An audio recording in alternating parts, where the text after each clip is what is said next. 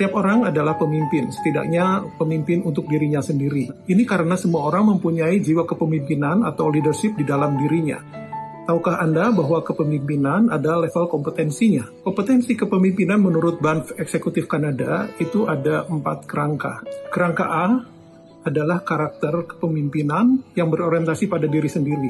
Sebagai pimpinan, dia otoriter, istilahnya what is in for me. Kerangka B, karakter ini disebut tradisional karena dia akan melakukan sesuatu apabila ada permintaan. Istilahnya ada faktor sebab akibat. Kerangka C, karakter yang tahu apa yang dia harus lakukan karena dia pandai membaca situasi sehingga dia disebut sebagai system thinker.